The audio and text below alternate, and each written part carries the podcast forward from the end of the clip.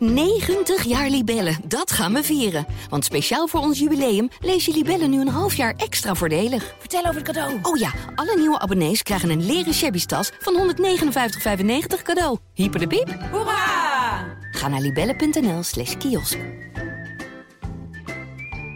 Hallo, ik ben Tony Mudde, chef van de wetenschapsredactie van de Volkskrant. Even voordat je begint met luisteren naar deze podcast, we hebben bij de Volkskrant nog veel meer podcasts. Waaronder Ondertussen in de Kosmos, die ik presenteer. En waarin je alles te weten komt over wat er zich in onze kosmos, en dus ook planeet Aarde, afspeelt op het gebied van wetenschap. Dus luister en abonneer je in je favoriete podcast-app. Hallo, mijn naam is Gijs Groenteman. Ik zit niet in een archiefkast op de redactie van de Volkskrant. Ik zit thuis onder de hoogslaper van mijn dochter om het interview aan te kondigen dat ik afgelopen zaterdag maakte met mijn gast in Vinkenveen bij een vakantiehuisje waar hij was met vrienden. Daar ontving hij mij. We hebben heerlijk in de tuin gezeten eh, en gepraat over het stuk dat hij een paar dagen daarvoor in de Volkskrant had gepubliceerd. Op 22 april stond dat erin. En eh, de kop boven dat stuk was: Mijn hele leven ben ik tegengewerkt door witte, pro- progressieve Nederlanders. Nou, dan spitsen mijn oren zich meteen al. Mijn gast is zelf kind van migrantenouders. Hij is op zijn tweede uit eh, Turkije naar Nederland gekomen. Hij voelt zich Nederlander. Hij is historicus. Hij is Tweede Kamerlid geweest voor GroenLinks. Eh, is daar met een conflict vertrokken. En bekend nu dus dat hij zich zijn hele leven tegengewerkt heeft gevoeld door witte progressieve Nederlanders. In het stuk legt hij uit hoe het zit. Hij heeft eigenlijk veel meer gehad aan ja, een beetje harde, rechtsige mentoren in zijn leven. dan aan de linkse eh, beknuffelaars en betuttelaars. Ik parafraseer het maar eventjes heel slecht.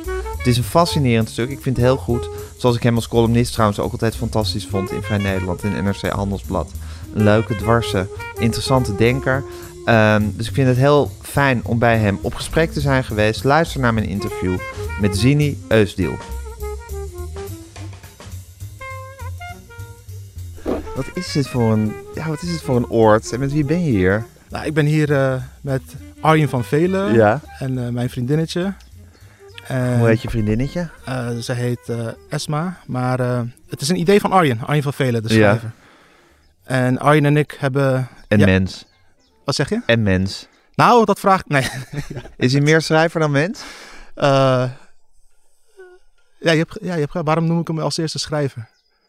Nou, ik denk dat daar de link ligt. Wij, wij hebben, we, zijn, we zijn ook vrienden, dus als mensen zijn we vrienden, absoluut. Maar wij hebben op zijn initiatief overigens eh, nu al een aantal jaren een jaarlijks eh, ritueel. Ja.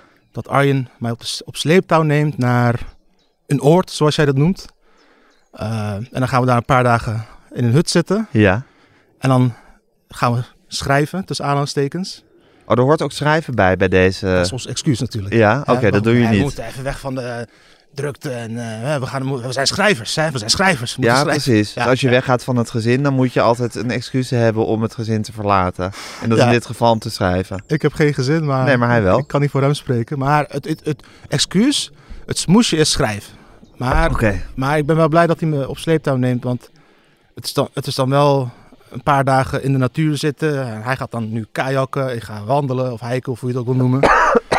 en het is gewoon ja, fijn om even weg te zijn. En van schrijven komt vaak niet veel terecht. Dus Vind je het fijn om even weg te zijn? ja, ja, Ja? ja. Waarom? Ehm, ja, heel eerlijk, eh Gijs. In, ehm, ik, heb, ik heb in die, met name door die coronacrisis, door de lockdown, heb ik ge- gemerkt hoe, eh, hoe eenzaam ik eigenlijk ben. Om heel Daar schrijf je ook een column over, hè? Ja, ja, Ja. ja. ja, En, ehm, en ja, dat, dat besef zorgt wel voor dat het gewoon leuk is om met mensen überhaupt ergens te zijn. Te verkeren. Leuker dan ooit, omdat het anders niet meer mogelijk is. Ja. En eh, ja, Ja, ik kon bij die column eh, eigenlijk niet zo goed beoordelen of hij nou schertsend bedoeld was of serieus. Omdat je, eind, die, je eindigde die column met dat je naar een soort website ging tegen eenzaamheid. En dat was, een, ja, het was een beetje een grappig einde, zou ik maar zeggen. Ja. Dus ik dacht, heb je dit nou eigenlijk verzonnen om even aandacht aan die website te kunnen geven? Of voel je die eenzaamheid echt? Maar als je dit nu zo zegt, dan hoor ik dat je, als je zegt van ik heb gemerkt hoe eenzaam ik ben, dan hoor ik dat je dat meent. Ja ik En meen het dat, absoluut. ja, en dat had je nog nooit zo gemerkt daarvoor. Nee, nee. Hoe kwam dat? Omdat je, het, omdat je de eenzaamheid het, het kon verjagen met naar het café gaan Ja. en mensen ontmoeten en Ja. dru- het druk hebben. Ehm, ja, ik, een, een- een voor- een voordeel van, van eh, je eigen eenzaamheid merken door de katalysator van eh, de COVID-lockdown is dat je wordt gedwongen om erover na te denken. Uh-huh. En dan ja, pro- probeer ik het voor mezelf op een rijtje te zetten. Ik heb in principe sinds mijn zevende alleen gewoond, zou je kunnen zeggen. Studeren op kamers en daarna eh Vanaf je zevende? zeventiende. Oh, 17. Ook schrok al, ja. Ja, vanaf je zeventiende. Ook al jong trouwens. Ja. Ja. Eh, maar ik had me nooit eenzaam gevoeld. Ehm, ik heb ook nooit samengewoond of zo, of, of wat dan ook. Maar door, door, door, door de gewaarwording dat ik eigenlijk heel eenzaam ben of kan zijn, Mhm. als de materiële omstandigheden veranderen, moest ik erover gaan nadenken. En, en ja, wat ik, denk, ik denk dat je wel een punt hebt. Ik begin steeds meer te beseffen dat ik misschien ehm, mijn eigen geluk, geluk en zaligheid te veel heb afhangen van, eh, van externe prikkels. Eh, dat natuurlijk in, ik zou zeggen, ons vakgebied is natuurlijk een van de manieren om te, om te kijken hoe succesvol je bent. Dat is gewoon, maar de valkuil is, en ik denk dat ik misschien, misschien ben ik wel in die valkuil gestapt, dat ik mijn hele, ja, mijn hele eh, eigenheid, of hoe noem je dat, eh, wa- wezen. waardigheid, wezen, Ja. heb laten afhangen van die externe prikkels. En als die wegvallen, dan merk je van, hé, hey, ik ben helemaal alleen. En Wat is- blijft er van mij over wat eigenlijk? blijft er mij over? Ja, wie ben ik eigenlijk? Ja. Ja, ja, ja. En ook om terug te komen op die column. Ik, ik, ik, begin nu, ja, ik snap nu wel waar- waarom je misschien denkt, was een grapje. Maar het was geen grapje, want ik dacht, dat was altijd mijn modus operandi. Nooit te lang nadenken over problemen. Nooit eh, eh, bij jezelf te raden gaan. Als er iets is, oplos, oplos, oplos, oplos. Ik voel me kut, ik voel me eenzaam. Ik ga het oplossen. Ik ging echt op websites kijken. Hoe, hoe los je dat op? Moet ik doorverwezen worden? En ik stuitte als een van de eerste op die, echt op die website. En eh, ja, toen ik het las, vond ik het wel grappig, zeg maar. Maar het was niet... Het was geen truc in de column. Het was echt wat ik als eerste tegenkwam. Van, Ja. eh, het was echt een heel... mm. Ja, je moest dan doorklikken en dan kom je bij een pagina die niet bestond. Ja, dat was het ja. wrangen van Dus de hele je situatie. aangeschreven. Je bent- Ja, dit keer is geen oplossing. Maar dat is toch wel lief zien dat je, dat je dus daadwerkelijk, als je eenzaam bent, of, je, of ineens overvallen wordt door een voel- gevoel van eenzaamheid, dat je dan op een website gaat opzoeken hoe je dat moet oplossen. het was Maar zo zit jij in elkaar. Ja, precies. En dat was dus de... da- daarom heb ik Je bent een soort super praktisch. Ja, maar wat gewoon eigenlijk... dat, daarom heb ik het ook expres opgeschreven. Dus één, één, die website leidde nergens toe. Dat is wel grappig. Maar ook dat ik dat weer in een automatische reflex... om maar niet echt ermee hoef te dealen... meteen oplossen, meteen praktisch... Maar Ja. ik, ik durfde niet in de, spiegel te kijken. Nee, en je zeggen. durft eigenlijk dat gevoel niet echt tot je door te laten dringen. Nee, dat, dat, gewoon te, laf, dat? te, te laffen. Te laf daarvoor, Is dat lafheid? Lafheid en ook omdat ik het nooit heb gedaan of geleerd misschien. Zat niet in mijn eh, spreekwoordelijke DNA misschien. Maar ja, dat, maar dat, dat trucje werkt dus niet meer. Waarom heb je dat nooit geleerd? Ja, ehm, ja ik, ik kom niet uit een heel makkelijk eh, gezin. Eh, en t- ja, thuis, ik heb, ik heb wel liefde gehad en zo, hoor, maar het was niet een gezin waar je problemen vaak besprak of zo. Of uitsprak. Misschien was dat ook een factor. Maar dan ben ik misschien ook te veel daarop aan het gooien. Ik heb gewoon op, achteraf gezien heb ik van, van op jonge leeftijd gewoon ge- besloten van, hé, hey, ik vind dit leuk om te doen. Hier ga ik voor en alle anderen moeten wijken en dan gaan, gaan, gaan. Ja. En dat levert ook wat op. En dan denk je dat je gelukkig bent, zeg maar. Dus het is ook... Ja, ik heb het no- nooit van huis uit geleerd, eerlijk gezegd, om over pro- pro- problemen echt te praten. Ik maar, zag op de ja. Volkskrant eh, website een, eh, een eh, mooi filmpje waarin jij vertelde over hoe jouw vader jou eigenlijk het heel resoluut was in jou zeggen dat je in je vader komt uit Turkije. Jij bent hier geboren en getogen. Ik was twee. Oh, je was twee, sorry, je was twee toen je hier kwam. ja. Je bent hier getogen. Ja. Ehm, en, ehm, maar dat hij zei van, eh, je moet niet eh, achterom kijken, want dan, dan zit je altijd maar met die geschiedenis. Je moet je, je eigenlijk je toekomst omarmen en gewoon Nederlander worden en je niet helemaal wortelen in Turkije en in dat gevoel. Wat natuurlijk een eh, fantastische gedachte is, vind ik, en heel erg slim. Tegelijkertijd is het ook vrij radicaal Ja. en hard natuurlijk. Ja. Dat heb je scherp gezien, want dat is... ik, ik ben mijn pa heel erg dankbaar hoor. Ook als je naar zijn achtergrond kijkt, echt, he- echt niet makkelijk. Veel armoede, veel eh, gemiste kansen, ook toen hij in Turkije was. Dus ik, Sowieso van dat land naar dit land eh, emigreren Ja, ja. midden in je leven lijkt me geen, eh geen en hij, pretje hij, per was, se. hij was de eerste, hij was de eerste uit, uit het gezin die eind jaren zeventig in Turkije ging studeren. Literatuur. Hij wilde schrijver worden, dat was zijn droom. Het mocht niet zo zijn, door allerlei best wel heftige omstandigheden. Mhm. Nou, toen hij hier kwam, precies wat je zegt, van huis uit heb ik alleen maar van, van hem meegekregen. Nederland is het land der kansen. En als je die kansen niet grijpt, ga, hij zei niet ga, ga ik eens slaan, maar dan kwam het erop neer. Dan ben je echt een... eh, Dan verstoot ik je bij wijze van ja, ja, spreken. ja, Ja, En dat, dat Je me gaat ook. ze pakken, verdomme. Ja, ja. Dus dat inderdaad, dat is, ja, inderdaad, niet te veel reflecteren, maar gewoon regelen, kansen grijpen, stap vooruit. Dat is, dat is wel wat ik heb meegekregen. Dat, waar ik ook heel erg dankbaar voor ben. Maar ja, dat, dat Ja, maar daar hoort dus ook bij van Ja. je gaat niet heel erg in je gevoelens Nee. zitten zwelgen. Nee. Als, je, als, je, als je eenzaam of bang bent, ga je niet eenzaam en bang voelen, maar dan ga je gewoon, nee, dan ga je gelijk op internet kijken het op- oplossen. oplossen. Precies, en dan ga je zorgen dat het voorbij is. Ja. En lijk je op je vader? Of zijn dit gewoon lessen die jouw vader jou ingeprent heeft? Ik bedoel, is dit, is, dit, heb jij een vergelijkbare karakterstructuur? Of heeft hij dit er gewoon ingeramd bij jou? Nou, die, op, antwoord op die eerste vraag is ja. In, in die zin, dat deed hij ook eh, in Nederland. En dat was misschien meer, om- meer omdat hij geen andere, eh, geen andere garanties had in het leven. Eh, maar ik ben, ik lijk in dat, op zich heel veel op hem. Ik weet niet of dat genen zijn of wat die opvoeding is. Maar dat, ja, dat, ja, moet je je voorstellen, de, de, de, de zoon van een geithoeder, dat is mijn vader. Die eh, ondanks een hele zieke vrouw thuis, armoede, ontslagen van de fabriek, toch is gaan studeren in de jaren 80 in Nederland als een van de eerste Turken. HBO ging hij doen, Nutsacademie. Leraar worden, ambtenaar worden, zijn zoon op het Erasmiaans Gymnasium. We wisten zetten, proactief. En ja, dat, dat is, ja, ik heb er heel veel ontzag voor. Alleen, ik, heel eerlijk, ik begin nu voor het eerst sinds die coronacrisis eigenlijk bij mezelf af te vragen. Oké, zie die heel leuk en stoer allemaal, al jouw zogenaamde successen in het publieke debat, in de politiek. En ik ben er ook trots op, maar je bent 40 bijna, heb je wel aan jezelf gewerkt. Eh, die, dus die la- ik noem het gewoon lafheid. Ik, ik was ook te laf ook. hè. Ik heb er dus ook zelf voor gekozen om dat niet te doen aan al die jaren. Want die externe prikkels zijn leuk, Gijs. Je krijgt aandacht. Je komt op tv. Ja. Ja, dan ben je toch het mannetje. Je hè? komt in de Dan Tweede heb Kamer. Dan heb je niemand nodig, Je toch? wordt er weer uitgegooid. Je, wordt weer uit- Ja. je hebt toch niemand nodig als je zo belangrijk bent, toch? Ja, Nee. Ja. Maar dat is onzin. Ja, het is een eerlijk verhaal, Gijs. ja. Lief hoe je dat zegt. nee, maar dat is echt- Ja, ik kan er ook niet omheen draaien. je bent eigenlijk gewoon vergeten om gewoon voor een, een huisje, een boompje en een beestje te zorgen. Ja. Ja. Ja, Ja. dat komt ook. Die, je, je vader wilde natuurlijk gewoon dat je vooruit kwam in het leven. Ja. je genoot er misschien ook gewoon van om het te doen. Ja. Het is ook gewoon lekker natuurlijk. Ja, ja, Ja. ja. Maar het, blijft een Vind externe je het ook goed dat je nu op jezelf bent teruggeworpen dan geweest bent de afgelopen, het afgelopen jaar?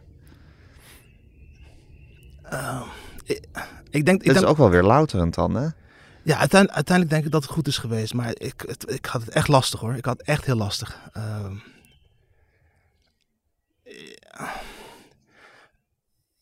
ja, ik had het heel, heel lastig met, met die eenzaamheid. Ik heb, ik heb daar echt een... ehm, ja. Ik, ik, ik krijg al nare gevoelens als ik eraan teru- terugdenk hoe, hoe, hoeveel moeite ik had. Maar, maar nu, ik, nu ik een beetje... Nu ik een beetje ja, mezelf in de spiegel durf te krijgen. En ik heb bijvoorbeeld twee jaar geleden had ik, had ik dit soort dingen nooit tegen je gezegd. Had ik niet, niet, niet aangedurfd om zo eerlijk te zijn, zeg maar. Dus in, in die zin is het misschien ja, lou- louterend. Ik, ik hoop dat het ja, iets Wat, zijn de moeilijke, wat, wat, wat waren moeilijke momenten bijvoorbeeld? Ehm, heel simpel. ehm, dat je echt te- alleen, helemaal alleen thuis zit. Alles is dicht. Zelfs de sportschool is dicht. Ehm, ja, je hebt gewoon ook niemand om je heen. En eh, ja, na een paar dagen ga je, ga je dan gewoon naar de Albertijn. Niet omdat je wat nodig hebt, maar gewoon aanspraak te hebben bij, bij de kassa of zo. Weet je wel, dat soort situaties. Dat was je sociale uitje geworden. Ja, ja, ja. ja. En ben je een sociale man van jezelf? Als je bij de Albert Heijn bent, dan, dan kom je in gesprek met mensen. Je bent dus niet zo verlegen. Nee, maar nee, dat was dus, dus domme. Dan ga ik erheen, dan ga ik wat kopen en dan ga ik afrekenen. heb ik een paar zinnen uitgewisseld. Maar dan ben ik nou niet het type dat, die dan meteen geïnteresseerd gaat vragen. Dat is ook wel dom. Nee, die zou zeggen, ga knopen een gesprek Ja. aan. Maar dat deed ik ook niet. Nee, is ook moeilijk. Ja. Is ook moeilijk. ja, het is toch wat, hè? Hoe je met jezelf eh, maar in het reinen moet zien te komen. Ja. Maar je bent hier met je vriendinnetje. Ja, die, is, die is eh, gisteren erbij gekomen. En, eh, Maar is er gisteren pas je vriendin geworden, of niet? nee, nee, maar, nee, maar het, Dat is een lang verhaal. ja, lang verhaal. Maar, Oké. ehm, Ja, jij stelt het voor als mijn vriendinnetje en denkt van, nou, is daar, is daar in ieder geval voor gezorgd. Ja, ja, ja, ja, ja. ja sinds kort wel. Maar, oh, sinds kort? Ja, Oké. sinds heel kort. Dus heeft je niet de hele lockdown eh, Nee, vergezeld? Nee. Gelukkig niet. Dat, Nou, dat ja, is nee, wat juist wat je wilde. Nee, je hebt gelijk, je hebt gelijk. Ja. Nee, gelukkig voor haar niet bedoel ik dan. Oh, gelukkig voor haar niet. Oh, oké. man die... Omdat je al dan dat, dat Ja. hele, dat, die hele sombere... Ja. En hoe ben je met vrouwen normaal gesproken? Ehm, ja, ik, ik, heb, ik heb gewoon nooit... Ik heb, dat is misschien ook die, die, die angst en die lafheid. Ik heb, ik heb nooit een hele serieuze relatie aangedurfd. Ik, ik rende altijd weg als het serieus ging worden. Eh, ik heb ook nooit samen gewoond en dat soort dingen. Dus, Hoe werkt dat? Ja, ik, ben, ik zit zelf zo anders in elkaar wat dat betreft. Hoe werkt dat? Je krijgt... was, je, was je vroeg gezetteld? ja, vroeg heel tussen- vroeg. Ja? Ik ben bindingsdriftig, zeg ik altijd. Bindingsdrift. Tegenovergestelde van bindingsangstig. Hoe, hoe oud was je toen je ging samenwonen? Eh 21. Wauw. Ja. ja. Een paar jaar later had ik al allemaal kinderen. Wauw. Ja. Heb je spijt van? Ehm nou, het gekke is omdat ik twee fantastische kinderen daaraan over heb gehouden. En, en trouwens ook een hele goede tijd heb gehad. Nee, heb ik er geen spijt van. Maar goed, met, met elke keuze die je in het leven maakt, win je dingen en verlies je Ja, dingen ja. natuurlijk. Ik denk natuurlijk ook wel eens, goh, ik heb mijn hele twintiger jaren niet de bloemetjes buiten gezet. Ja. Op, de, op de cliché manier van de bloemetjes buiten zetten. En dat is natuurlijk aan de ene kant jammer. Aan de andere kant heb ik ook een fantastisch huwelijk gehad in die, eh, in die jaren. En een geweldige tweeling eh, gekregen op wie ik stapelgek ben. Dus nee, ik kan daar geen spijt van hebben. Maar goed, alles, alles, alles heeft zijn prijs, zullen we maar zeggen. Ja. Ja, omdat toevallig met een eh, andere vriend die ook ja, redelijk vroeg eh, is gezet, dat het wel eens hierover hebt nu. Ja, En eh, dat, nou, voor, voor mij was dat een verbazing. Ik was altijd diep van binnen jaloers op hem. En wat ik ja, nu ook bij jou hoorde, dan denk ik van ja, dat is toch geweldig dat je dan nu, volgens mij zijn we ongeveer e- even oud, ja, dat je dan nu, ja inderdaad, dat je dat kan. een Dat vrouw, twee leuke klei- kinderen. Je, hebt- je daarna weer twee leuke kleine kinderen. dat nog? Nou. ja, vier stuks in Vier totaal. stuks. Twee En leggen. dan denk ik van, wauw, had ik dat maar gedaan. En eh, dan was ik ook, had ik nu ook gewoon, eh, was ik een echt mens geweest in plaats van een semi-narcistische, eh, eh, eh, eh, hoe zeg je dat, publiek intellectueel die alleen van externe prikkels afhangt. Die, en als die wegvallen ben je nergens. Ik had, had ik het maar gedaan. En dan hoor ik van hem, ja, een beetje wat jij ook zegt. Tuurlijk. Nou, maar zie je, dan kijk Ja. ik naar jou en dan denk ik van, nou, die heeft gewoon hè, Die heeft vrij, en- geleefd. vrij en blij geleefd. Ja. En, ja. Avonturen beleefd. Ja. Was, ja, misschien, ja, dat valt ook wel weer mee. Maar goed, het is, ja, wat jij ja maar zegt zie is niet van, iedereen denkt natuurlijk op een zeker moment in zijn leven. En zeker als die 40 eenmaal in zicht of gepasseerd is. Denk je op een gegeven moment, ja, is, is dit het nou? Is dit nou, heb ik nou eigenlijk het goede gedaan? Het, Is kan dat leeftijd, denk je? Dat, dat die, die spreekwoord, ja, de midlife crisis, zeg maar? Is dat, is dat Ja, ik vind midlife crisis zo'n clichéwoord. Maar het is natuurlijk wel zo dat op een gegeven moment beginnen je jaren gewoon eh, op te raken. Redelijkerwijs voel je toch gewoon de aftakeling beginnen. Ja, Je, je, je, je ziet, je ziet allemaal jonge mensen die ineens tot ontwikkeling komen onder je. Kinderen in jouw ogen. Die ook ineens gewoon carrière maken en, en hun stem verheffen en het goed gaan doen. Je voelt je ineens eigenlijk meer thuis bij zestigers dan bij twintigers. Ja, dus dan voel je wel van ja, de kaarten zijn... En, oh ja, en wat ik ook altijd heel erg vind is dat je op een gegeven moment voelt van...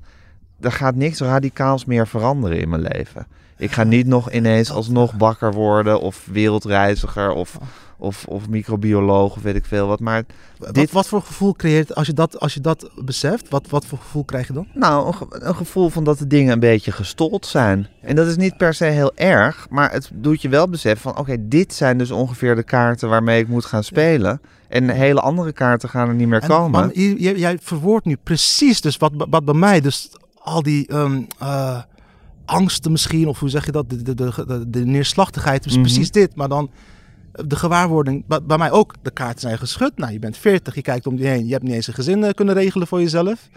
Eh, dus eigenlijk, het, ja, Ja. Nou, het, niet, het goede is natuurlijk wel, als je eenmaal kinderen hebt, kom je er niet meer af. Dus ik kan niet meer ineens het soort, een soort eh, leven van een kinderloze vrijgezel gaan leiden als ik dat heel graag zou willen. Maar jij kan natuurlijk alsnog heus een gezin stichten. ja nee, er zijn natuurlijk genoeg mannen die na de 40 nog gewoon een kind krijgen en daar zielsgelukkig Ja. mee zijn. Wat Ja, dat betreft ja, heb jij nog, ja. ligt, ligt, ligt het voor jou nog wel een beetje Ja, ja, open. Ja, nee, als je het puur, puur, puur, inderdaad, puur feitelijk bekijkt, dan is dat... Maar jij gelooft niet dat dat kan. Jij gelooft voor jezelf. Nee, ik moet misschien minder neerslachtig zijn. Min- minder denken van... eh, had, ik het maar, had ik het maar gedaan, had ik het maar gedaan. Dat is meer... Ja, Dit ligt nog helemaal open. ja, ja. ja. Verlang je naar een kind? Of eh, jaagt dat je heel veel angst aan? Eh, dat laatste niet, maar ik verlang, ik verlang naar, ik verlang naar eh, een gezin of zoiets. Je verlangt naar Maar ook- geborgenheid. ja, maar ook uit... eh, Is dat egoïstisch dan? Omdat ik nu pas besef hoe of uit opportunisme. Oppor- Ja, Ja. is dat dan een goede, goede reden? Maar goed. Nou ja, eh, hoe het komt, dan komt het. Maar ik bedoel, eh, door wat voor, om wat voor reden je het dan ook ineens beseft. Het kan ineens heel erg er zijn, dat gevoel. Ja. En dan eh, sta je misschien zelf wel toe om verliefd te worden en van een vrouw te gaan houden.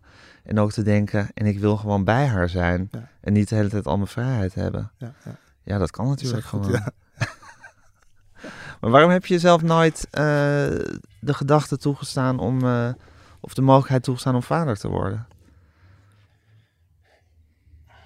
Ja, met die vraag worstel ik nou ook dus.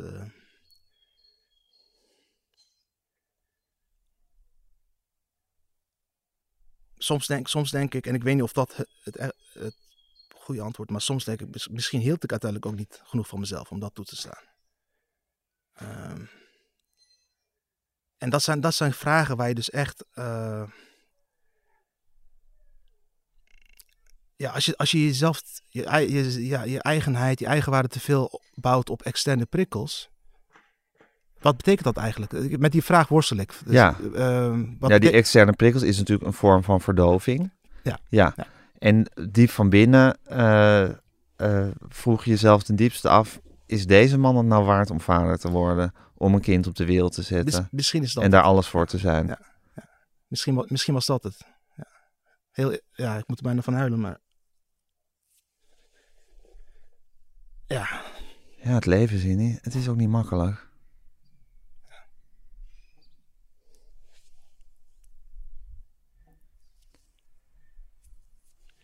Nou, dan heb je een, een huilende Turk aan de podcast. Een huilende Nederlander. Je voelt je Nederlander, zeg je de hele tijd. Als het me uitkomt. Per keer verschilt dat een beetje. Ja, Ja, eh, zoals het ook is natuurlijk. misbruik maken van identiteit, zoals Ja. Ja, dat doet iedereen toch? Ja. En is jouw vader nou een voorbeeld voor jou? Hou je van je vader? Ik hou zielsveel van hem, ja. ja, ja. Waar hou je van, van je vader? Eh, ja, in, die zin is, in die zin is die tegenovergestelde van, de, van mijn karakter. Van, eh, ja, zonder te veel in details te treden. Mijn, mijn moeder werd al heel vroeg heel erg, heel erg ziek. Waardoor ze eigenlijk eh, niet fysiek, maar geestelijk afwezig was in het gezin. Dus die vent heeft eh, Hoe oud was jij toen ze ziek werd? vier of vijf of zo, midden jaren tachtig. En eh, ja, toen was hij net ontslagen uit de fabriek. Moest hij het eigenlijk, nou moest niet, maar hij deed het wel. Heeft hij in zijn eentje eh, en eh, is, is hij dus gaan studeren om een stap vooruit te doen. Voor zijn kinderen zorgen met weinig geld. Voor een zieke vrouwen zorgen. Hij heeft zichzelf helemaal weggecijferd, zijn hele leven, om zijn gezin vooruit te brengen. Op alle mogelijke vlakken. Echt. En ik denk niet dat ik het zou, dat ik het zou kunnen. In die, in, die zin, in die zin was hij helemaal niet afhankelijk van externe prikkels. Nee, hij nam de verantwoordelijkheid. Hele zware last op zijn schouder. En, en, het is, ja, en in die zin heb ik echt ontzag voor hem, zeg maar. En hij, hij betaalt er nu ook wel de prijs voor, hoor. Het gaat, het, eh, hij is heel erg ernst- ernstig ziek geworden onlangs. Zij- dus, ja, lang antwoord op je vraag. Maar eh, nee, ik... Nee, ik wilde... Rek het nog wat op, het antwoord. Maar je hebt het gevoel dat die ziekte de prijs is die hij heeft betaald voor het leven wat hij heeft moeten leiden. Ja, onder heel veel stress. eh, ja, om- je, hebt ook, je hebt dus ook geen vangnet of zo. Behalve dan de sociale verzorger staat. In die, dat besef ik nu ook in de jaren 80 en 90. Toen, toen hij niet als soort van eh, crimineel werd behandeld als je in de bijstand kwam of wat dan ook. Maar ja, nee, in die zin het compleet tegenovergestelde. eh heel, vol op gezin gericht, zichzelf weggecijferd. En ja, dat ja, heb, ik, heb ik ontzag voor. Ja. Ja. ik weet niet of ik het zou kunnen in zijn situatie. Nee, maar je zegt ik hou zielsveel van hem. Dat is natuurlijk weer iets ontzag en zielsveel van iemand houden zijn natuurlijk twee verschillende dingen, een beetje. Ja, Tenminste, ze kunnen bij elkaar horen, maar Ja. je hebt sowieso heel veel ontzag voor hem en heel veel bewondering voor hoe hij dat gedaan heeft. En ik denk ook voor de, voor de eh, harde lessen die hij jullie geleerd heeft, die jullie wel verder hebben gebracht. Maar, eh maar zal ik maar zeggen, knuffel, knuffelde hij ook met jullie?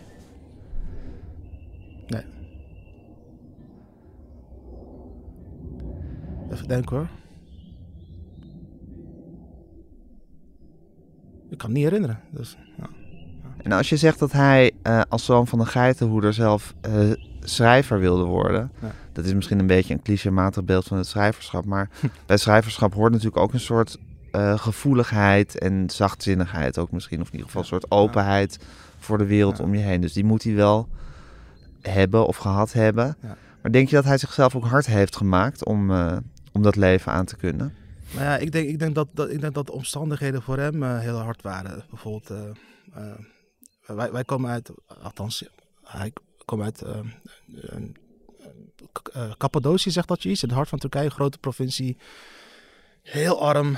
En vanaf zijn zesde levensjaar is mijn vader eigenlijk alleen geweest. Hij moest in een dorp verderop, 10 kilometer verderop, naar de basisschool. Ja, En dan ging hij daar bij eh, familie logeren. En daarna moest hij naar de middelbare school in een nog grotere stad. Nog, ja. nog veel verder. Zoals ik net verstond dat jij vanaf je zevende alleen was. Dat was bij, was je zeventiende was bij hem was het Wat- eigenlijk de realiteit. Ja, ja, dus, dus- dus en dan, ja, als je dan, ik klink nu als een soort Freud of zo, maar het zijn dingen waar ik nu pas sinds twee jaar over aan, aan het begin na, na te Mhm. denken. Dat, dat pa- patronen ehm, eh, door generaties vaak worden over, overgedragen. Eh, dus hij heeft, hij, hij heeft, hij heeft nooit knuffels kunnen hebben, omdat hij als enige die het ook kon st- studeren, steeds weg was van huis. Want er was geen infrastructuur, er was niet overal scholen en universiteiten.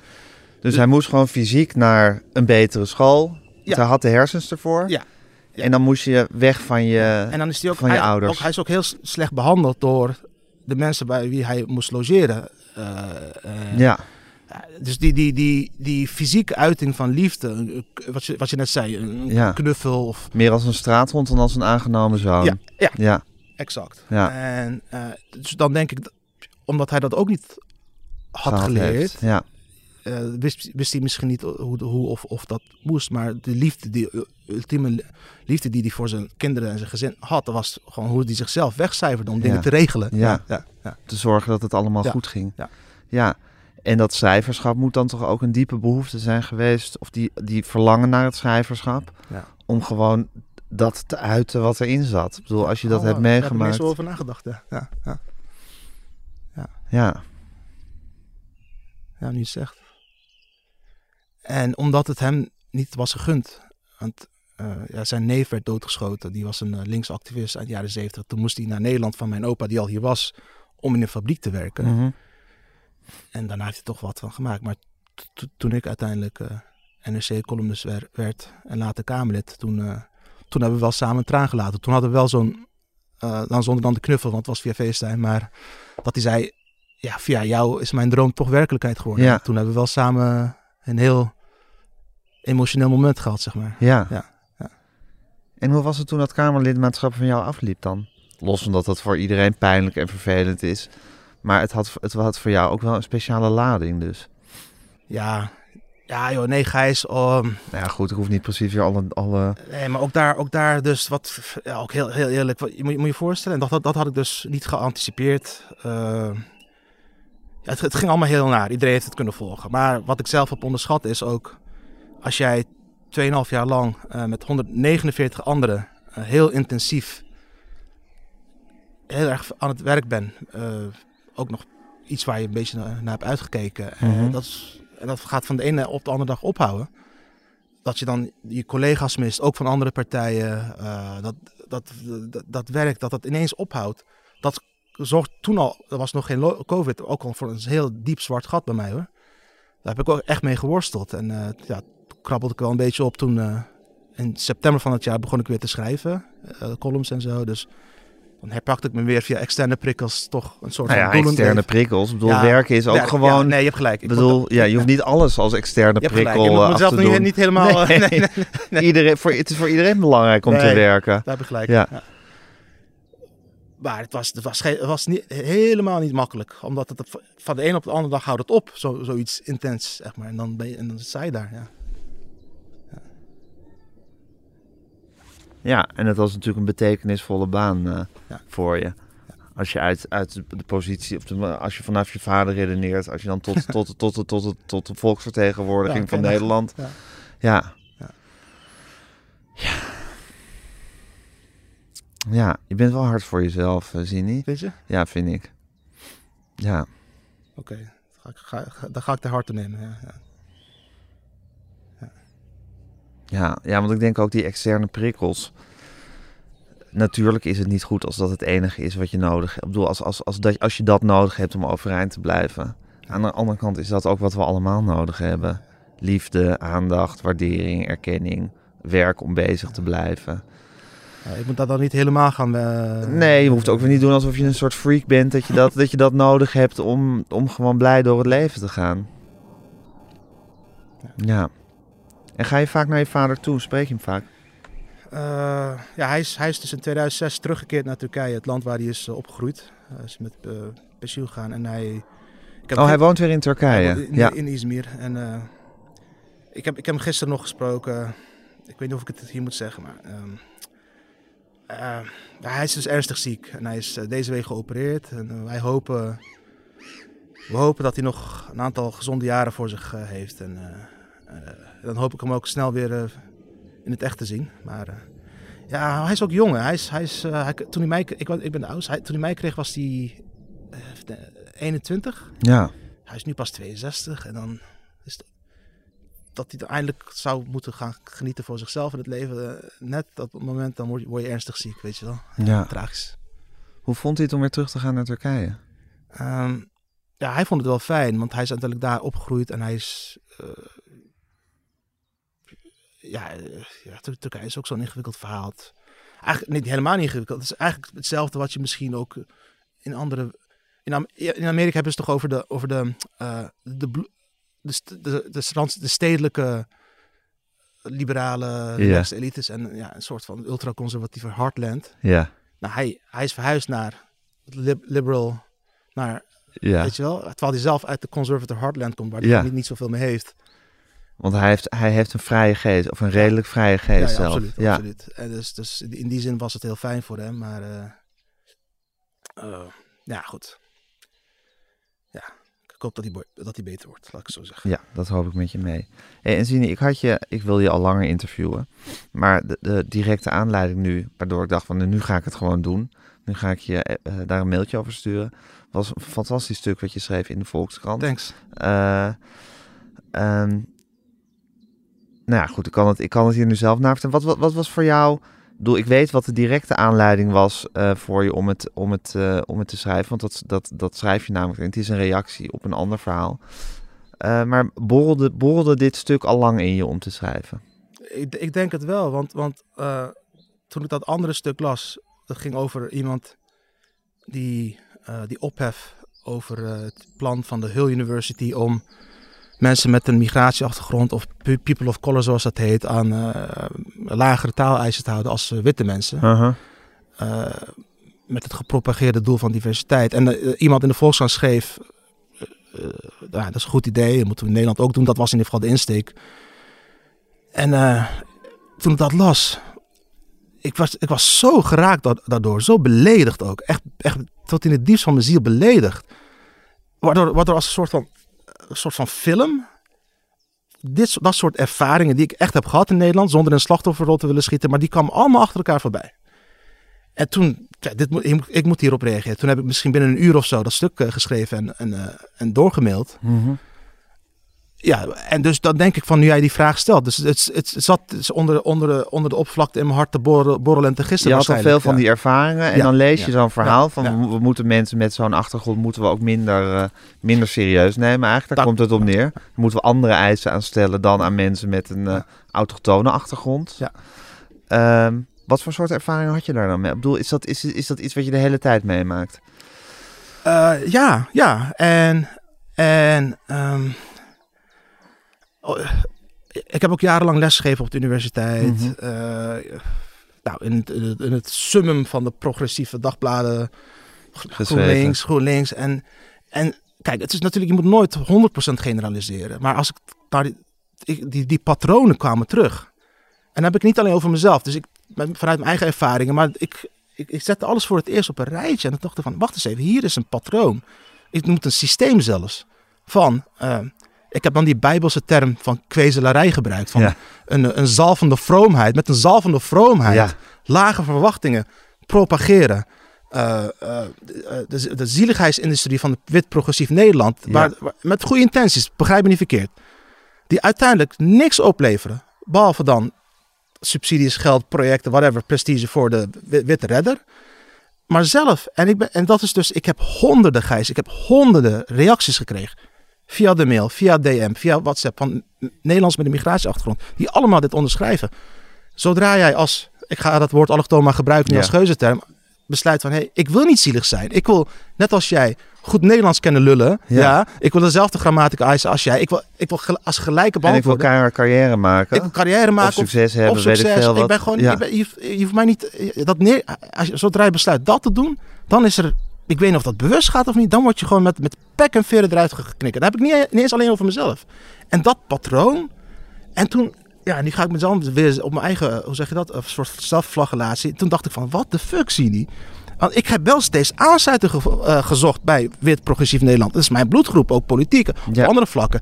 Wat, wat was er, wat was er een soort Linkse mensen. linkse mensen. En toen dacht ik van, en elke keer met die ervaring toch steeds aansluiting zoeken. zie- Ik dacht bij mezelf van een soort van Stockholm-syndroom met de strop van wit progressief Nederland om mijn nek. Wat, wat is een mismatch of zo? Maar goed, het is allemaal. Maar ja, je merkt nu ook weer dat ik geanimeerd raak. Ja, Het zeker. was een soort van. eh, eh, hoe, heet- hoe heet dat ook weer? Hoe zeg je dat in het Nederlands? Een eh, epiphany, weet je wel? Bijna van, Mhm. wow, oh shit, heb ik dat... Ja, Ja. Ja. ja, het is grappig, want het is natuurlijk, ik ben natuurlijk ook een linksmens. En eh, ik vond het zo, eh, die, dat, dat, eh, dat betuttelende van, ja, ja. van, van linkse mensen, dat is zo beklemmend, lijkt me dat. Heel als, je daaraan, als je daaraan... En het, het, het nare is natuurlijk dat het inderdaad wel uit, goe- uit, uit een soort van goede Ja. bedoelingen is. Van het beste met, met mensen voor hebben. Maar dat het, dat het volstrekt averechts misschien wel... Of dat je misschien tot de conclusie moet komen na al die jaren... Dat het averechts werkt. En omdat jij in dat, in dat stuk ook letterlijk aanhaalt... dat je eigenlijk veel meer hebt gehad aan wat Ja. rechtsere hoogleraren... Ja, of echt, echt. leraren op school... die een beetje christelijk en vormelijk waren... en gewoon iets hadden van... eh, ja, we eisen van jou hetzelfde als van ieder ander... en eh, ga er maar voor werken. Doe je best maar. En natuurlijk het, eh, dat, je, dat, dat die je eigenlijk het, het, het verst hebben geholpen. Ja. En natuurlijk inderdaad het grote probleem van het, van het onderadviseren op, eh, op basisscholen. Ja. Dat is toch ook iets, iets wonderlijks, hè? Ja, maar ook dat is dan dus, en dat is ook dan een blinde vlek misschien bij wit progressief Nederland. Even generaliserend gezegd, en niemand moet boos worden nu, we zijn ook uitzonderingen. Nou, maar, laten, we, men- laten mensen wel Maar- boos worden, in godsnaam. maar die onderadvisering, dat heeft ook een ontzettende klassendimensie. Dat zijn gewoon de droge, nuchtere cijfers, eh Gijs. Als jij arm en wit bent en je bent in, eh, noem eens wat, ergens in een dorp geboren, word je ook ondergeadviseerd. Wist je, wist je dat? Dus het is, het is niet alleen maar Nee, afkomst. nee het is een klasse, het is een klas, het, het loopt soms in elkaar, maar het is een, breed, het is een bredere, even gechargeerd gezegd, dédain van, Ja. nu gaan we even, het is, een, het is de dédain van de eh, spreekwoordelijke witte progressieve grachtgordel richting iedereen. Nou ja, misschien Anne niet per se grachtig hoor. Dat kan ook in de provincie zich Tuurlijk, afspelen. tuurlijk. De spreekwoordelijke Ja. zegt dan, hè? Dus Ja. dat is goed. Ja. Ja. Ja, nee, maar dan, dan maak je het weer tot een soort Amsterdams elitair Oh ja, eh, probleem. Terwijl, het natuurlijk, terwijl het natuurlijk in het hele land zich, eh, zich afspeelt. Maar het is juist inderdaad onder progressieve mensen. Ja, ik interviewde laatst ook een jonge Karim Amgar. Die eh, presentator van de NTR en ook onderwijsdeskundige, zou ik maar zeggen. Die met ditzelfde probleem had geworsteld. Die ook VWO of HAVO-VWO advies had moeten krijgen. En dat op basis van zijn CITO's ook verdiende. En van zijn basisschoolleraar een VMBO ik vergeet welke letters zijn, T, geloof ik, of K. Nou, een van die twee. In ieder geval VMBO-advies had gekregen. Want ga jij maar naar het VMBO, dat is al, al, al, Ja. eh, dat is al, al moeilijk zat, zou ik maar zeggen. Dan kan je daar echt floreren. Dan kan je daar echt Dat de, is- be- de beste Er is niks zijn. veranderd. Precies hetzelfde argument van 30 jaar geleden. Precies dit. Ja. En eh, wat voor hem een kras op zijn ziel was en hem eh, eh, waanzinnig achterop hielp en boos maakte ook en hem ongelukkig deed voelen op die school, omdat het natuurlijk niks lekkerder is. Of tenminste, omdat het gewoon heel goed is om uitgedaagd te worden absoluut. op een school. Absoluut. En tussen je intellectueel gelijken te zitten in plaats van kinderen die gewoon minder cognitieve kwaliteiten. En, en dat, Hebben. dat, dat is dus ook... Het, het, het- Maar goed, hij had geen ouders zoals jouw vader die naar die school ging en ruzie ging maken Precies. en zei hoor Ja. eens even, Ja. We willen dat hij naar het VWO gaat. Ja, heel veel kinderen, ook nu, hebben geen mondige ouders. En dan, en dan zijn zij slachtoffer van dit systeem. Dus de, de venijnigheid, de giftigheid van dit, Gijs. Hoe, hoeveel kansen er voor, voor, de voeten van kinderen worden weggemaaid. door toch meestal inderdaad witte progressieve mensen die. eh, het, het is eigenlijk erger dan. Is, ik besef me, het is eigenlijk heel erg. Je zegt eigenlijk, jij bent gewoon niet. Jij bent het gewoon niet Het waard. is beledigend. Het is beledigend, Ja. het is eh, neerbuigend. Het is, je bent, jij bent het gewoon niet Ja. waard eh, om vooruit te komen. Jij, als jij Ja. achterlijk blijft, is het ook goed. Ik vind je nog steeds leuk. Ja, Als een soort hondje of zo. ja. Het is echt heftig. het is heel denigrerend. Heel denigrerend. Ja. ja. Ja, en wat, wat ik dan zelf ook weer eh, zorgelijk vind, is dat vervolgens nu eigenlijk door dezelfde progressieve mensen wordt voorgesteld om het hele onderwijssysteem te veranderen door een hele lange eh, brugklas te gaan maken op de Ja, middelbare ja, school. Dus weer allemaal nivelleren en hetzelfde niveau en, en slim en minder slim allemaal bij elkaar. En dat dan oeverloos uitstellen, dat advies. Daar, ik heb daar niet genoeg verstand van om te zeggen of dat een goed idee is of niet. Maar ik denk wel van waarom zorg je niet dat eerst dat onderadviseren gewoon goed geregeld Ik wordt? ben zo Dat lijkt me zoveel Eh, makkelijker. Het is veel makkelijker. Ik ben het zo Ja. met je eens. En ik denk dat je helemaal gelijk hebt. En wa- wat jij nu beschrijft, is op de universiteit al gebeurd. Eh, to- toen ik studeerde hadden we trimesters. Eh, je had dan één keer in de drie maanden had je dan een tentamen en een werkstuk of wat dan ook. En, en dan ging je drie maanden lang, ja, ik heb dan geschiedenis gestudeerd, ging je diep in de materie met, met een professor. En het was echt een intellectuele uitdaging. En, nou, Nederland heeft het hoger onderwijs, naar mijn mening, eh, een McDonald's van gemaakt. Dus nu heb je een bachelor en master. Toen ik moest lesgeven zelf op de universiteit had ik, eh, wat was het ook weer? Acht, blokken van vier weken. Vier weken. En ik moest elke week toetsen afleggen. Eh, want dan verhoog je de rendementen. Hoe vaker je toetst, hoe lager de kans dat je eruit valt. Mhm. Studenten moeten nominaal afstuderen, heet dat. Er is een bindend studieadvies, Gijs. Een advies dat bindend is. Or, zelfs Orwell had het niet bedacht.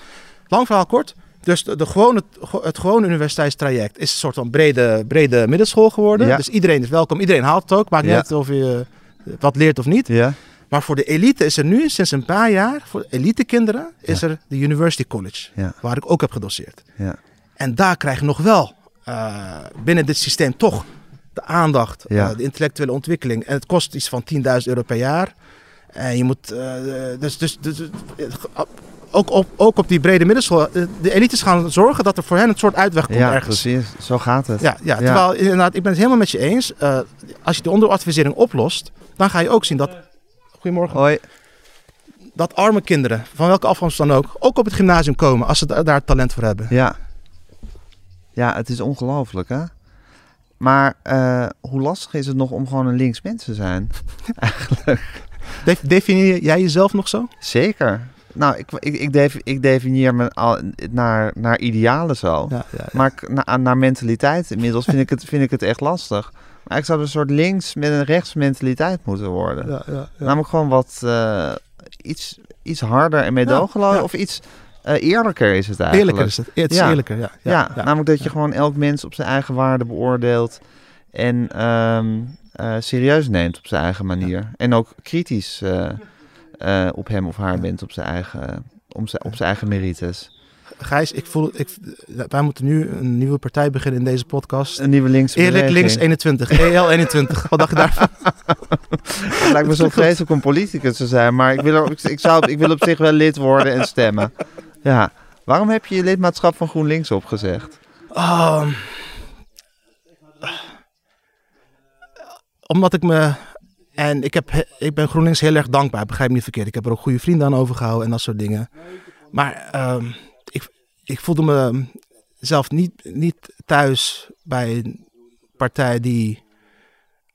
Ja, hoe moet ik het nou zeggen zonder modder te gooien? Ehm, ik, ik, ik, ik, ik- daar ben ik misschien te, te, te, te moralistisch in of zo. Maar ik, ik vind ideologische consistentie heel belangrijk. Ehm, Wat bedoel je daarmee? nou, Wat is ideologische Bijvoorbeeld- consistentie? Bijvoorbeeld, nou, eh, je, in mijn geval is dat, dat zit mij dan hoog. Eh, als je het leenstelsel invoert als linkse partij, nou, je kan een keer een fout maken. Maar als je daar dan eh, nog steeds aan wil vasthouden en je, ja, goed, je weet hoe het bij mij is gegaan. Of, Ja. Of- Het leenstelsel is uiteindelijk het onderwerp geweest waarop je echt in, in conflict bent Ja, gekomen met GroenLinks toen je Kamerlid ja, was. met de top van GroenLinks. Met, ja, met de top van GroenLinks. Want jij was daar valikant tegen en GroenLinks was een van de... En toen het me niet lukte om het intern, eh, ik heb het geprobeerd van, hey, dit moet echt op terugkomen. Het strookt niet met ons verhaal. En, het- en het nog belangrijk, het, het, het, haal- het, het belemmert Mhm. eh, kansen. Ja, toen kwam ik een gewetensnood. Maar los van, los, ik, kan, ik kan een hele rits aan dingen noemen van... eh, ja, als je je gewoon ergens niet meer thuis voelt... Gijs, ja, dan is het toch ook niet eerlijk als je dat, als je dat dan... eh, Dus ik heb, ik, heb, ik heb mijn lidmaatschap opgezet omdat ik dit, dit soort dingen gewoon belangrijk vind. En ik, ik, heb, ik ben ook niet lid geworden van een andere partij, begrijp me niet verkeerd. Het is niet dat ik nou zeg van... eh, ergens anders is het er wel of zo, maar... Ja, eh, als je ergens niet thuis voelt, moet je niet langer gaan zitten dan nodig is. Dat is de les die ik heb geleerd, laat ik zo zeggen. En waarin zit die, die ide- ideologische inconsistentie nog meer? Ja, ik, ik weet waar je op doelt, Maar ja, ik zonder... vind dat wel interessant.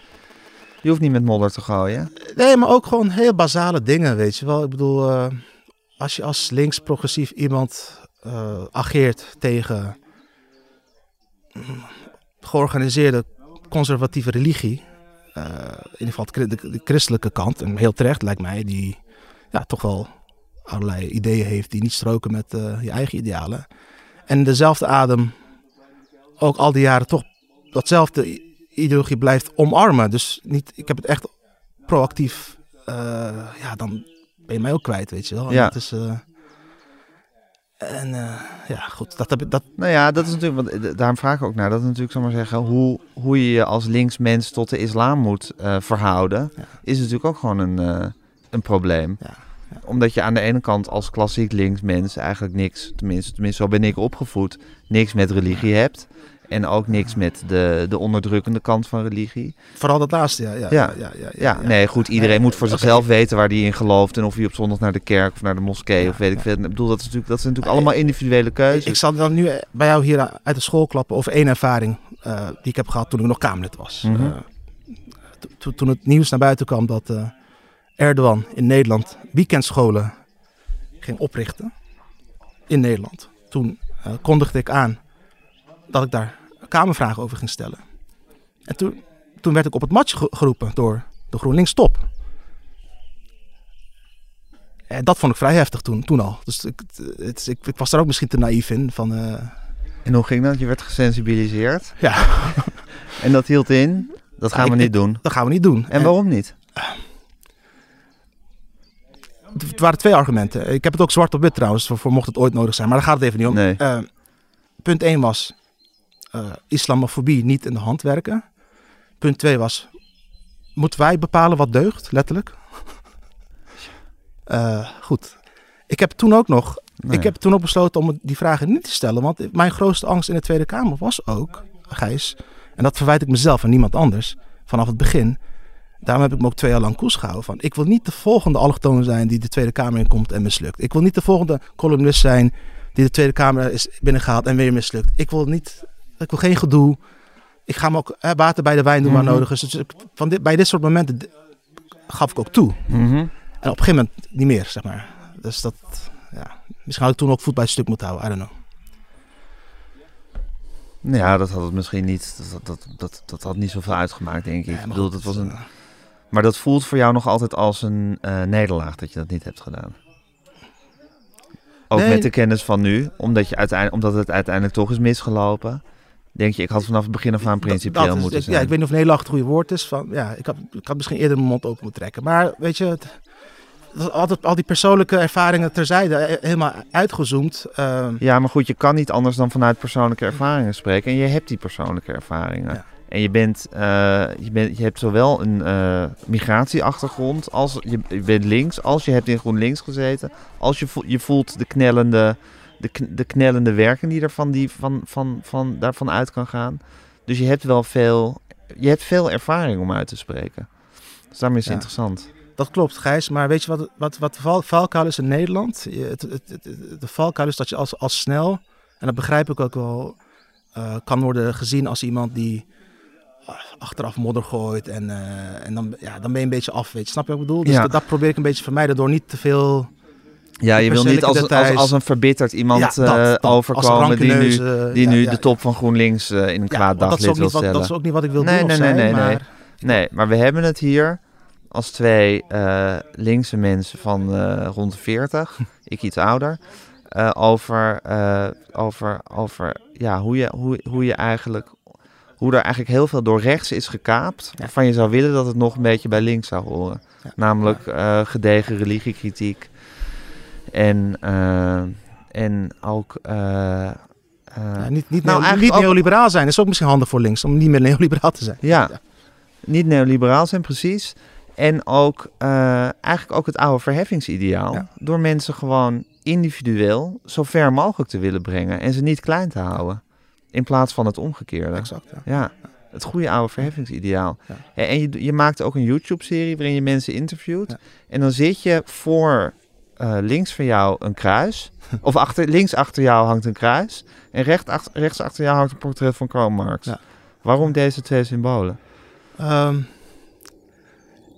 ja, ja, die had, Zini-gasten heet het trouwens, voor Ja. mensen die het willen zien. ja, thanks voor het pluggen. Ja, Mm, nou, je, had, je had het net over eh, dat bij links gedegen religiekritiek hoort. Dat ben ik helemaal met je eens. Alleen, eh, mm, ja, nu moet nou echt op mijn woorden letten. Ik, ik ben me dus ook in die donkere, eenzame krochten van de lockdown-nachten en al die, eh, dat afgelopen jaar werd ik ook, ja, dan ga je ook dingen lezen en zoeken en vinden. Nou, ik heb, ik heb denk ik, dat meen ik oprecht, eh, ik, heb, ik, heb, ik, heb, ik ben me aan het verdiepen in de eerste drie eeuwen van het christendom.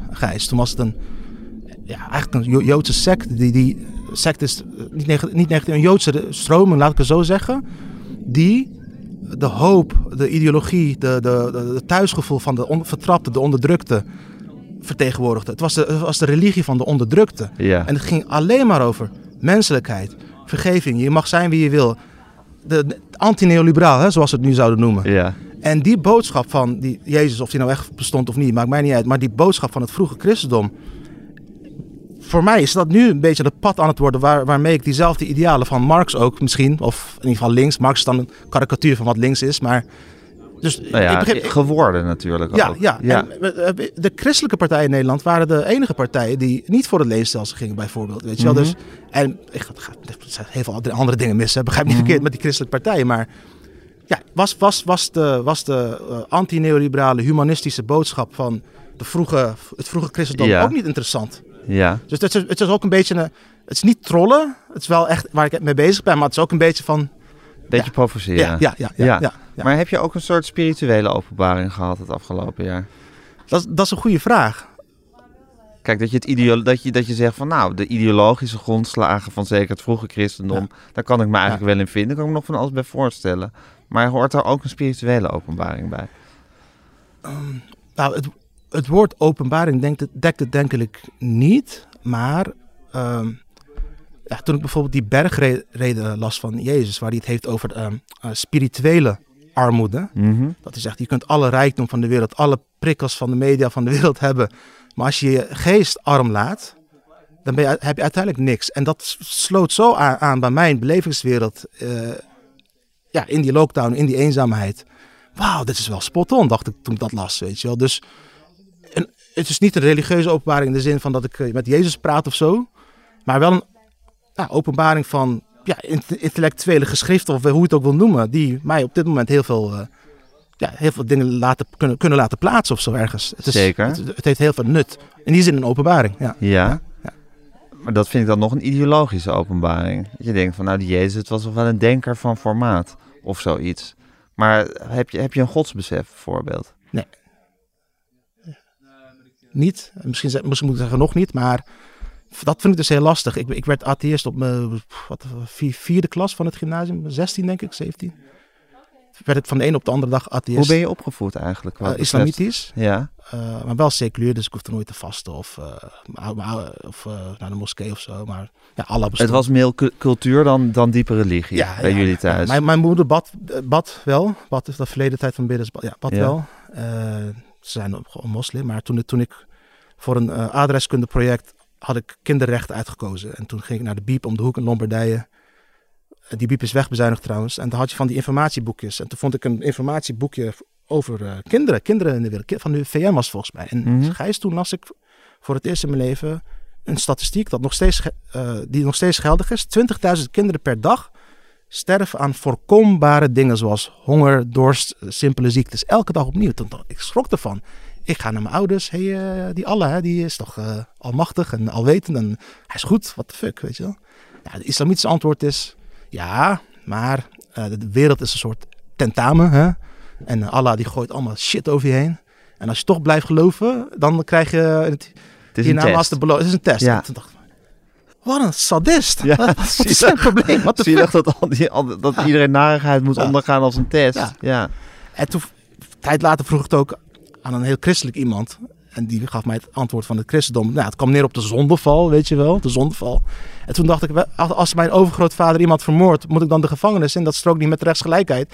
God bestaat niet, klaar, afgelopen. Toen ben je atheïst Ja, geworden. en sindsdien, dus in die zin, godsbesef. Ik geloof niet in een alwetende, al- almachtige God die over je schouders meekijkt en alles voor je beslist. Of in ieder geval de wereld onder zijn duim heeft. Dat, nee. Waar geloof je wel in? Ehm, Er zit toch een kleine maar in deze Ja, jij bent echt scherp. Ehm, ja, ik, ik heb de, de waarde van spiritualiteit voor mensen heb ik zwaar onderschat. Zwaar onderschat in al die jaren. En dat begin ik nu zelf te ontdekken voor mezelf. De spiritualiteit, dat dat toch gewoon feitelijke waarde heeft. Dat, dat, dat- ik, ik, ik lachte dat altijd weg vroeger. Eh, maar nu weet ik gewoon Als een rare, een Ja, rare ja. dwaling van mensen. Ja, ja, ja. ja, ja.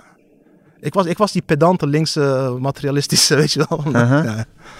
Maar nee, mensen, mensen hebben spiritualiteit nodig, besef ik nu ook zelf, zeg maar, vooral zelf. Dus Ja. dat, in die zin, En wat, wat, wat, wat, wat versta je onder spiritualiteit? Dat, ik kan het moeilijk concreet maken, want ik ben nu zelf op, die reis. Ja, die, geestelijke armoede. Dus ehm, heel basale dingen als. ehm, ehm, ja, eh, bijvoorbeeld in vervoering raken bij muziek of zo. Dat soort dingen st- stond ik mezelf ook niet toe. Of heb je dat wel eens gehad? Dat, het klinkt nu heel vaag, maar dat je iemand van wie je ziel, zielsveel houdt, die je misschien tijd niet hebt gezien, en toch voel je iets Mhm. een soort van connectie. Of je voelt dat er iets niet goed gaat. Of weet ik veel wat. eh, Van die vage dingen. Eh, Maar je stond jezelf niet toe om in vervoering van muziek te raken? Nee. Erger. En hield je wel van muziek of ook daardoor niet eigenlijk? Nou, ja. Ja, niet echt, nee. Nee, in vervoering raken. Wat is dat nou voor uh, Van spiritueel gezwets? Ja, Ja, ja. Jomanda gedoe. Oh, dat vond je ook al spiritueel Ja? Of eh, dingen zoals mediteren of eh, eh, yoga. En ik was echt zo'n... eh, Je was keihard. Ja. ja. Zoals je keihard was voor jezelf. Ja. Ja. Dat hoorde daar ook bij. dat hoorde er ook bij. Ja. Eigenlijk elke vorm van eh, irrationaliteit of Ja. zachtheid, die stond je jezelf niet toe. Nee, nee. Alles moest beredeneerd en... eh, en Zou het nou door de corona komen of door de leeftijd dat je, dat je aan het veranderen bent hierin? Ja, goede vraag. Misschien een combinatie van Ja. beide. Maar het is wel... Het Hoe oud ben je nu? 39. Ja. Misschien komt het samen nu. Of zo. Ja. Het is wel. eh, nou, met midlife crisis. eh, ja, ik vind het zo stom dat je het nu steeds midlife crisis noemt. Daarmee doe je jezelf ook weer tekort. Je hebt ook de neiging om jezelf steeds naar beneden te halen. Oké. Maar ja, goed, dat is dus precies wat je al doet je hele leven. jezelf omhoog stuwen en naar beneden halen. Maar ja, dat zijn, die twee horen ook bij elkaar natuurlijk. Jij bent wel heel goed, eh Gijs. Ja, ja. Ik kan het ook niet helpen. Nee, maar je hebt gelijk. Je kan niet alles weglachen en even met een grapje ben je er vanaf. Weet je. En dan hoop ik dat je het met de volgende vraag komt. En dan, eh, ja, nee. Dat, is, ja, dat was ook een manier om te... Hup, hup, volgend onderwerp. Weet je wel? Nou, ik vind dat wel vrij lang bij, bij hetzelfde, eh, ook weer niet al te, of bij hetzelfde vrij confronterende onderwerp zijn. En ik ja. vind dat je er vrij, eh, vrij hard voor jezelf ingaat. Dus eh, je hoeft jezelf echt niets te verwijten wat dat betreft. Nee, je nee, bent niks thanks. aan het weglachen. Thanks. Nee, wat een jaar hè, Ja. is het geweest. Ja. Voor ons allemaal. Ja. Ja, maar voor jou ook. Ben je blij met dat stuk wat je geschreven hebt? Ja, ja. Ja, hè? Ja. Het is heel kernachtig en, eh, en raak. Thanks. Ja. Thanks. Ja, het, ja, het, ja, het was ook... Het, ja, opluchting is ook niet het goede woord, maar het voelde wel van... Oké, dit moest, het moest even... Ja.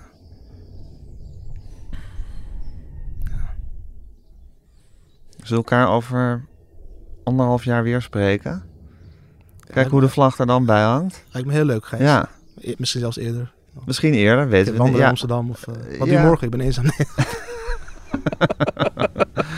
ja. Nee, maar ik bedoel met microfoons erbij. ja. Ja, leuk. Gaan we even de staat opmaken. Deal. Ja, dankjewel Zini. Ja, ook bedankt, eh, Ja. Gijs. Thanks.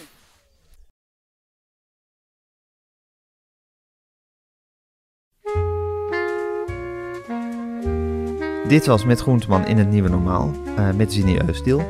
Mijn naam is Gijs Groenteman. Ik maakte deze podcast samen met Daan Hofstee.